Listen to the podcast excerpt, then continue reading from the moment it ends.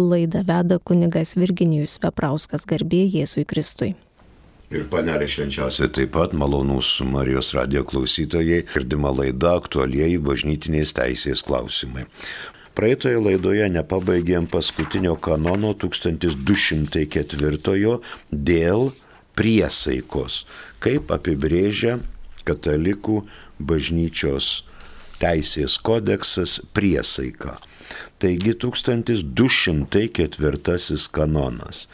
Priesaika turi būti aiškinama griežtai pagal teisę ir prisiekiančiojo intenciją arba jei šis veiktų apgaulę, pagal intenciją to, kuriam duodama priesaika. Vėlgi šitam kanone yra dvi mintys. Priesaika siejama su konkrečiu įsipareigojimu. Dėl to turi būti aiškinama griežtai. Jei kyla abejonė, arba kyla konfliktas. Teisė palanki prisiekusiajam. Mums į pagalbą ateina 18 kanonas, kuris iliustruoja 1204. 1204 įstatymai nustantantis bausmę, ribojantys laisvą naudojimąsi teisėmis arba nustatantys įstatymo išimtį, aiškinami siaurąją prasme. Čia iškart prie 1204 aišku, kad priesaika turi būti aiškinama griežtai pagal teisę, reiškia griežtąją prasme. Kitas iliustruojantis yra 36 kanonas, pirmas paragrafas.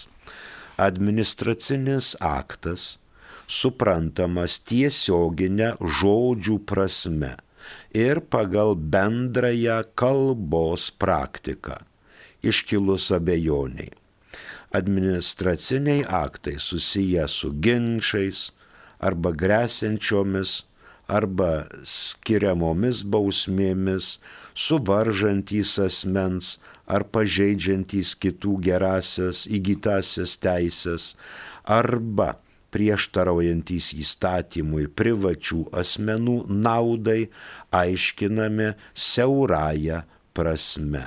Visi kiti plačiaja prasme. Niekas negali būti įpareigotas aukštesniems dalykams nei priesaika. Priesaika tai jau yra toks kaip ir aukščiausias dalykas, kada žmogus šaukėsi Dievo vardo ir prisiekia. Jei tai, ta priesaika, jei tai apibriešta teisės, tai tada teisė ir apibrėžia įsipareigojimus. Kokiu būdu duodama priesaika, kas joje atsispindi, kokia mintis nešama ir ką prisiekusysis tuo teigia. Tai tokiu atveju teisė apibrėžia prisiekiančiojo įsipareigojimus. Antroji mintis. Jei prisiekiantysis veiktų apgaulę. Na, dėl vienų ar kitų priežasčių jis bandytų kažką apgauti. Tada jis privalo būti prieš tai, priesaikos davimą perspėtas dėl perskaitytų žodžių prasmės. Aplamai, duodamas priesaiką, asmuo susipažįsta su tekstu ir jeigu jam kas nors neaišku arba nesuprantama, jis turi pasiaiškinti žodžių prasme. Dėl perskaitytų žodžių prasmės jis turi būti perspėtas ir kieno naudai veikia arba įsipareigoja. Apgaulę priesaikos davimas jai atneša žalą, iššaukia pačios priesaikos negaliojimą. 1201 kanono antrasis paragrafas. Jei priesaika yra susijęta su veiksmu tiesiogiai nukreiptų į žalą kitiems arba nuostolį viešajam gėriui, arba amžinajam išganimui, dėl to veiksmas neįgyja jokio patvirtinimo. 1204 pasiaiškinome, fiksuojame rytų kanonuose atitikmens 1204 nėra. Priesaika turi būti aiškinama griežtai pagal teisę ir prisiekiančiojo intenciją. Arba, jei šis veiktų apgaulę, pagal intenciją to, kuriam duodama priesaika. Dabar jau atėjo laikas pasiaiškinti šitą skirelį. Pabaigėme, dabar einame prie trečiosios dalies, kuri vadinasi šventosios vietos ir laikas. Ir pradėsime nuo minčių apie šventasias vietas. Tame tarpe bažnyčios, oratorijos, privalios, privačios koplyčios, šventovės, altoriai ir paskiau kapinės galų gale, o po to eisime prie nagrinėti šventąjį laiką. Tai yra švenčių dienos, atgailos dienos. Ir taip toliau. Iki bažnyčios laikinųjų gėrybių. Dabar šventosios vietos. Šitas skirelis gimė po antro Vatikano susirinkimo nutarimų ir pažiūrėsime, kaip atrodo šventosios vietos iš bažnyčios pusės. Dažnai žmonės sakė, ten kažkas pasivaideno, pasirodė Marija ar angelai, ar švenčiausia trejybė, ar Jėzus Kristus su Marija ir taip toliau. Ar tokios vietos iš bažnyčios pusės gali būti aptariamos kaip šventos vietos? Tikrai ne. Taip ir eikime prie 1205 kanono šventosios vietos yra tos, kurios skiriamos dieviškajam kultui arba tikinčiųjų laidojimui, dedikavimu ar palaiminimu, kurį nurodo liturginės knygos. Viskas. Čia telpa visas apibrėžimas ne kokios nors žmonių įsivaizduotos, bet šventos vietos yra tos, kurios skiriamos dieviškojam kultui. Kur pas mus skiriamas dieviškasis kultas? privačiose koplyčiose, viešose koplyčiose, bažnyčiose, bazilikose, katedrose, oratorijose ir taip toliau. Tai dieviškajam kultui skirtos vietos. Antras išskaičiavimas - tikinčiųjų laidojimui, nes tikintysis yra šventosios dvasios buveinė ir šventa dvasia apsigyvena tikinčiajame per Krikšto sakramentą. Tikinčiųjų laidojimui, ne šiaip kur nors, aišku, daugiabučio kieme išraustoj duobėj celofanė maišė, bet specialiai laidojimui. Ir tai turi būti ta vieta, arba dieviškam kultui, arba tikinčiųjų laidojimui, turi būti vieta dedikuota ar palaiminta. Ne bet kaip, o taip kaip nurodo liturginės knygos. Taigi trys tokios mintys - materialus lygmuo. Šventų vietų. Yra pastatas arba vieta, laukas, erdvė, kažkoks tai apibriešta teritorija. Antras - formali paskirtis. Šventos vietos. Pirma - Dievo kultui, antra - tikinčiųjų laidojimui. Ir trečia mintis - turi būti tam tikras sakralumas, dedikavimas arba palaiminimas. Dedikavimas arba palaiminimas. Nėra taip, kad mes galvojame, kad čia yra šventa vieta. Tikrai to nėra. Turi būti dedikuota arba palaiminta ši vieta. Tada įskaitysi šventą vietą. Teisiškai būtent tik tai ir apibrėžiama.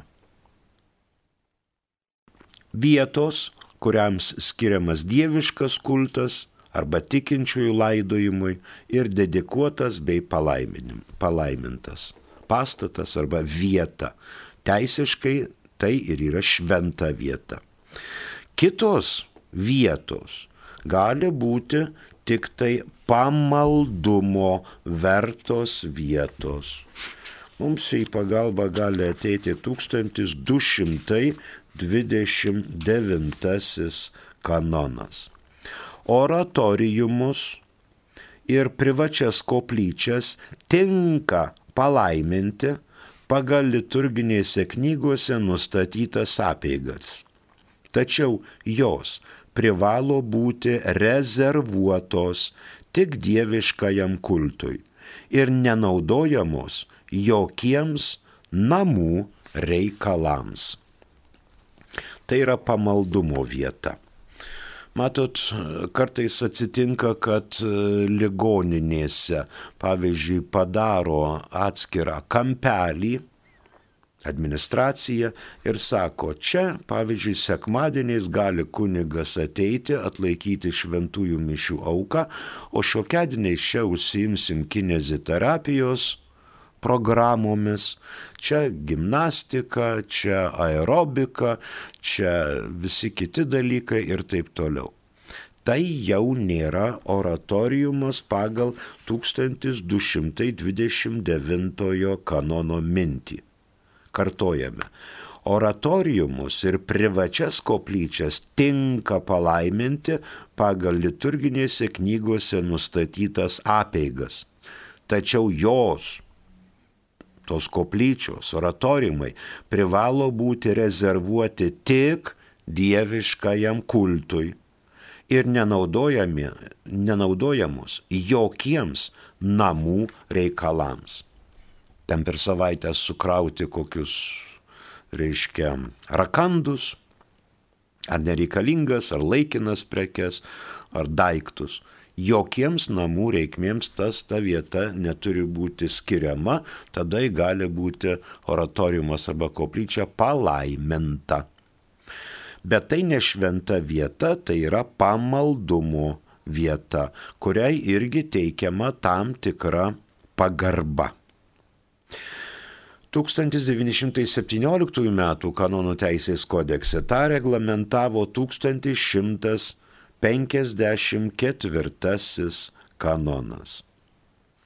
Net jei ir įvyko, pavyzdžiui, liturginis aktas kur nors, ta vieta nepasišventina.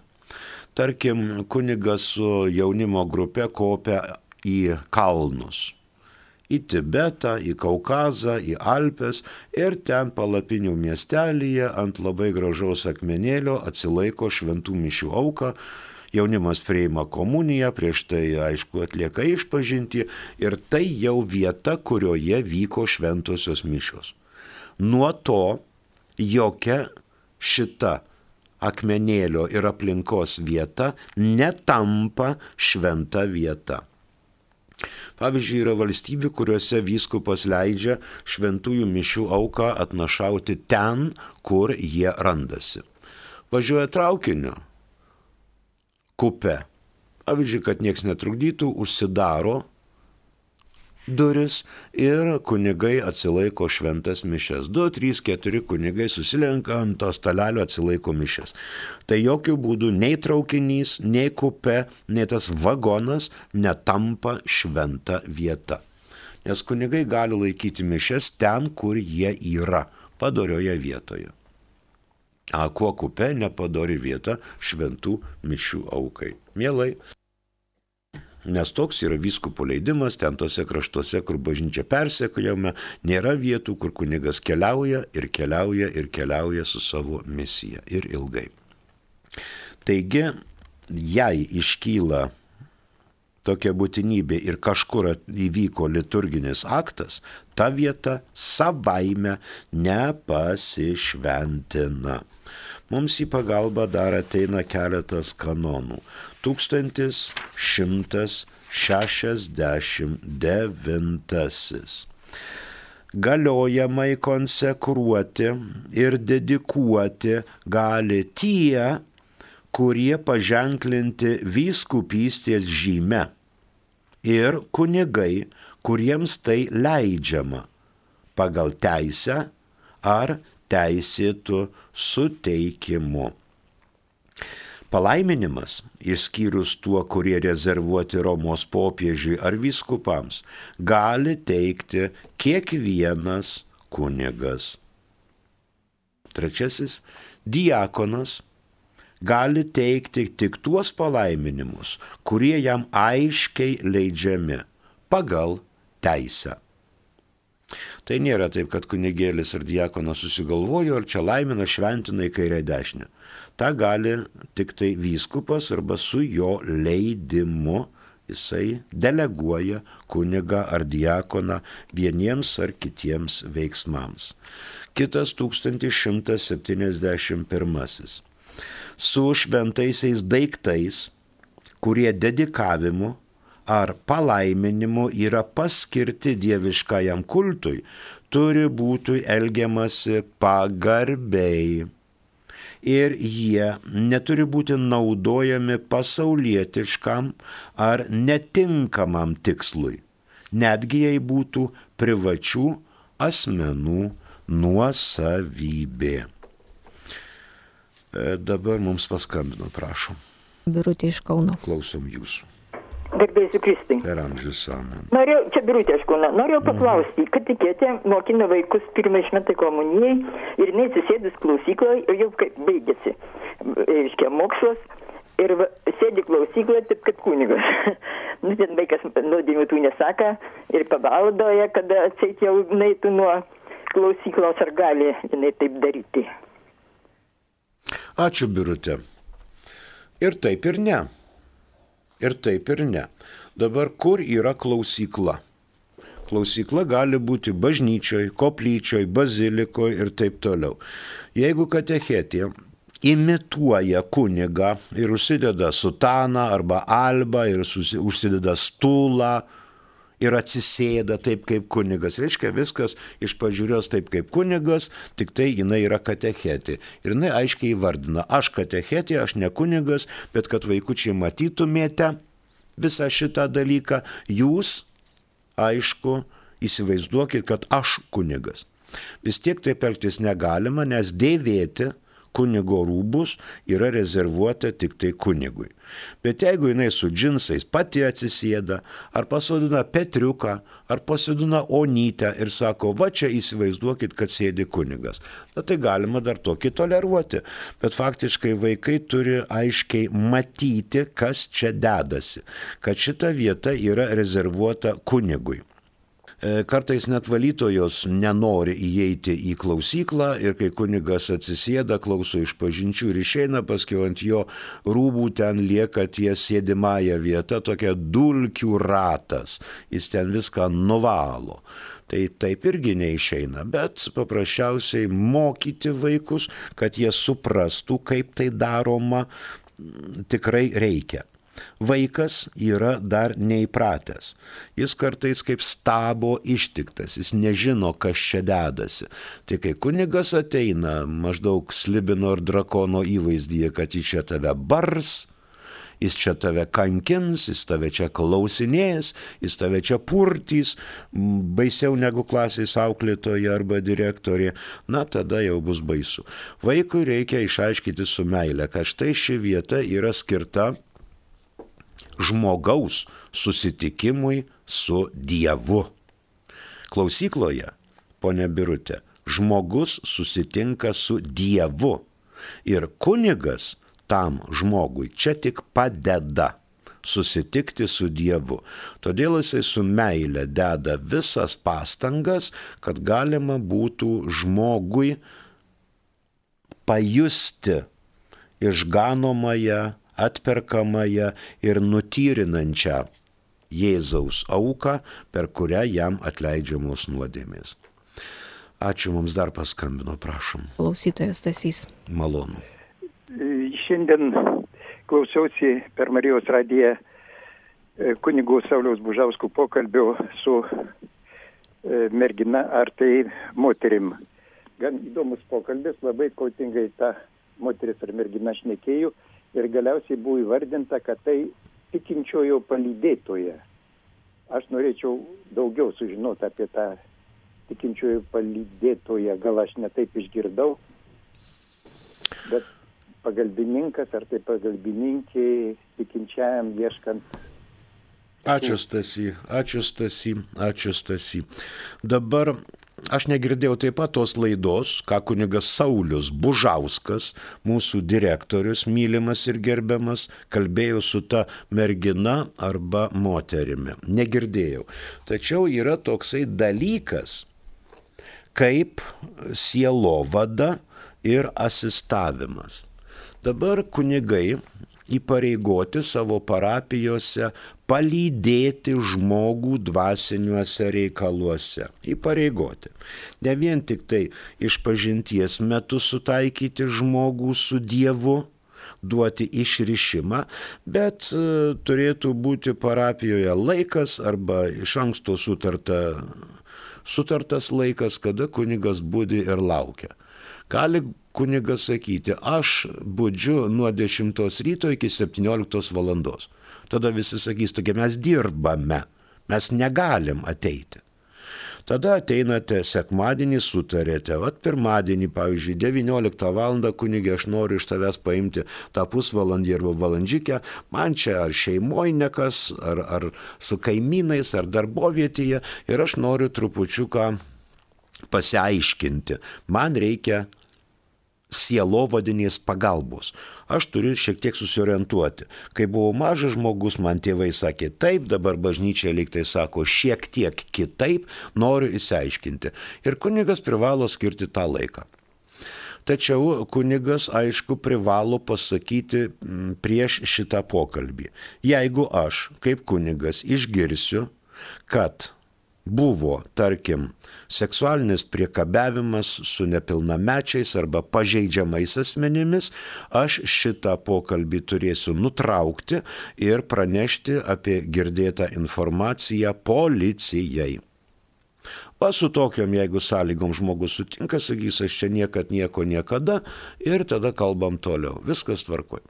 Bet jeigu, žinokit, per vidurį pokalbio iš, paaiškėja, kad žmogus arba ten vykdė, arba matė, arba žino, tada bus nepatogu kunigui nutraukti šitą pokalbį ir sakyti stop, nusitraukė pokalbis, eik į policiją, prisiduok, tada jau galėsi su manim toliau kalbėti. Kad būtų prieš pastatyta tokie dalykai, e, nes tai yra ne tik nuodėmė, bet tai yra nusikaltimas. Tai dabar sielovadinis toksai, tokia globa. Dabar palydėtojai taip pat egzistuoja. Tai yra naujadaras, tai yra teisės nėra apibriežti kaip po tokie dalykai. Tačiau šitie palydėtojai labai yra populiarūs, aišku, vienuolynuose. Ateina žmonės ieškodami ramybės, ieškodami, ilgėdamiesi tiesos, atgaivos, meilės ir pagyvena, pavyzdžiui, keletą dienų Savaitgaliais penktadienį vakare atvažiuoja, sekmadienį išvažiuoja. Tada vienuolino vyresnysis arba vienuolino vyresnioji skiria vienuolę arba vienuolį ir sako, dabar tu šitas tris dienas palieki visas virtuves, visus horizontaliųjų paviršių ten valymus ir užsiimi šitai žmonėmis, jie tegul tave grežia kaip citrina. Ir va šitie palydėtojai tuo ir užsieima. Jie padeda žmogui susigaudyti. Tik tai šitas palydėtojas turi būti vyresnybės skirtas. Ne taip, kad žmogus sugalvojo, aš noriu pas šitą arba aną žmogų. Tai turi būti vienuolino vyresniojo arba vyresniosios skirtas asmuo, kuris yra palydėtojas ir jis vykdo tą funkciją. Gali žmonėms patikti, gali žmonėms nepatikti. Gali žmonės sakyti, mes norim tylos, ramybės, vieni tegul mums čia niekas nekampasiruoja mazgyčių, mes čia dalyvaujam jūsų maldose, mišiuose, miegam, režimo laikomės, netriukšmaujam radijos ir ten ne, nelaužom regulos, nevaikštom kur negalima ir taip toliau. Gali būti žmonės norėti vienatvės, bet gali norėti žmonės pasiaiškinti kai kurios dalykus. Manoma ir laikoma, Stasy, kad šitas vienuolė arba vienuolis yra šiek tiek pažengęs šitame kelyje ir mm, pastebi žmogaus sužeidimus, pastebi žmogaus įdas, nuodėmės ir gali švelniai nurodyti priežastis, kurias pašalinus asmuo vaisingiau eina tobulumo keliu va šitas palydėjimas. Aišku, galima ir parapijose ieškoti šitų dvasinių globėjų, bet kunigai yra be galo užimti, taip kad žmonės kartais ieško nuošalesnių vietų dėl tokio palydėjimo. Ačiū. O mes žiūrime prie dar 1205 iliustruoja 1211 kanonas. Šventosios vietos yra išniekinamos, jei juose atliekami tikinčiuosius piktinantys, labai įžeidžiantys veiksmai, kurie vietos ordinaro nuomonė yra tokie svarbus ir priešingi vietos šventumui, kad nebeleistina juose atlikti kulto, kol neteisybė nebus atitaisyta atgailos apieigomis pagal liturginių knygų normą. E, mums vėl paskambino, prašom. Klausytoja Regina iš Vilniaus. Klausom jūsų. Garbė Jėzu Kristus. Per amžius amen. Mano vardas Regina, aš skambinu iš Vilniaus. Girdėjau. Mano tokia didelė problema, kad yra įėjusi svetima dvasia ir mane labai kankina. Aš jau ir mėgoti negaliu. Bet jau senai jisai įėjęs ir aš visur kreipiuosi, tai kai aš kur nors būnu, tai jis tada tyli, o kai aš tik tai pareinu namo, jis vėl čia prisijungia prie visų tikriausiai ir, ir vėl mane kankina. Aš buvau pas egzorcistą Trakų gatvėje Pranciškonų vienuolyno, pas tokį Mareką mane siuntė kunigas. Tai jisai išklausė mane, aš buvau išpažinties ir, ir jis uždėjo rankas, mane palydėjo, bet tai jis vis tiek ateina ir gyvena. Ačiū, ponė Regina. Su Mareku turbūt jūs lenkiškai kalbėjote ir jūsų gimtoji kalba lenkų. Aha. Dabar klausykitės. Marekas yra labai rimtas egzorcistas, jis yra paskirtas Vilniaus arkivyskupo metropolito šioms pareigoms ir jis yra vienuolis pranciškonas. Jau šito Mareko aplink pirštą neapsuksite. Mane galima, bet jau jo tai tikrai ne. Dabar žiūrėkit, jeigu jums, jūs susidurite su tokia bėda, kad jums atrodo, jog jūs vargina dvasia, tai atlikote išpažinti. prieimėt šventą komuniją. Ir pabandykite kasdien bent dalį rožančiaus sukalbėti visą mėnesį, va rytoj balandžio pirmą, visą mėnesį kalbėkite dalį rožančiaus. Aš jums beveik garantuoju, kad šitie visi ateiviai, ateinantys, pasirodantys, kada jiem patinka, dings, nes jūs einate prie Dievo. Pikta dvasia arba velnes negali išvelgti Dievo, negali matyti jo, nes joks blogis, joks negatyvas Dievo matyti arba regėti negali. Kai jūs melžiatės, jūs vienijatės su Dievu ir pikta dvasia nervuojasi kad jūs susivienijusi su Dievu ir negali jums pakengti, negali jūsų išvelgti. Kuo labiau jūs melsitės, tuo pikta dvasia nervuosis ir nuo jūsų pabėgs, nes matys, kad jūs esate tikinti žmogus. O jeigu nepabėgs, tai jau yra ne pikta dvasia. Tai galima įvardinti ir kaip tam tikrą asmenybinį sutrikimą ar lygą, jau čia ne mūsų sfera. Bet jūs pabandykit, ponė Regina, eiti su malda. Nes balandžio mėnesį, žinoma, bus Velykos, rytoj dar gavėnios penktadienis, kurį reikia praei, pravesti be mėsiškų valgių vartojimo ir grįžkite į religinės praktikas - ryto vakaro maldą ir bent kas porą savaičių nueiti iš pažinties, žvelgti į save. Kiek jūs pasistumėjote dvasinėme tobulėjimo kelyje ir kiek jūs nekreipėte dėmesio į piktąją dvasę.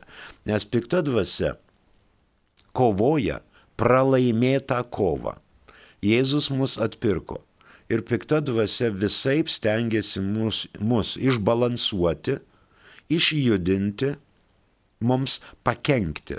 O mes, kadangi tikintys esame Dievą, mums šito piktų dvasių prajovai nieko negali padaryti, nes mes pasitikime viešpačiu. Ačiū, ponė Regina. Tai va girdėjote 1205 iliustravo 1211 kanonas apie tai, kad į labai svarbu, jog šitos šventos vietos būtų neišniekintos. O jeigu šitos įžeidžiami veiksmai, kurie vietos ordinaro nuomonė yra tokie svarbus ir priešingi vietos šventumui, kad neleistina juose atlikti kulto, kol neteisybė nebus atitaisyta atgailos apeigomis. Yra tokių bažnyčių, pavyzdžiui, senųjų bažnyčių, kurios lygtai ir nebepriklauso bažnyčiai, bet vyskupas prašo, kad tose vietose, jeigu vyks kokie renginiai, tai jie būtų kultūrinio, švietėjiško pobūdžio, bet jokių būdų ne satanistiniai ir ne tikinčiųjų veiksmus ir jausmus įžeidžiantys. Pavyzdžiui, civilinė valdžia sutinka, kad tai bus, reiškia, parodos, koncertai, rimtos muzikos ten ir taip toliau. Tada pasidalina, bažnyčia leidžia ir remontuoti, ir restauruoti tuos pastatus ir leidžia, kad ten būtų, kur ilgus šimtmečius vyko liturginės apėgos, ten daryti kultūrinę ir švietėjišką veiklą. Dar prie 1205 kanono 1376. 1376 kanonas. Jisai iliustruoja 1205. Tas, kuris išniekina tiek kilnojamąjį, tiek nekilnojamą į šventąjį daiktą turi būti baudžiamas teisinga bausme. Turi būti baudžiamas. Ne kaip nors, bet turi būti baudžiamas teisinga bausme, kuris išniekina tiek laikinai, tiek kilnojamąjį, nekilnojamąjį šventąjį daiktą. Rytų kanonuose 1205 atitikmuo yra 868. 1205 pabaigėme, fiksuojame. Šventosios vietos yra tos, kurios skiriamos dieviškajam kultui arba tikinčiųjų laidojimui, dedikavimu ar palaiminimu, kurį nurodo liturginės knygos. Čia ir baigiame mūsų laidelę, nes laikas išseko. Ačiū iš klausimus. Jeigu kilo kokių minčių, prašom, galite drąsiai rašyti, užklausas daryti. Kitoje laidoje mes pasiaiškinsime. Prie mikrofono dirbo kunigas Virginijus Veprauskas. Ačiū ir sudie.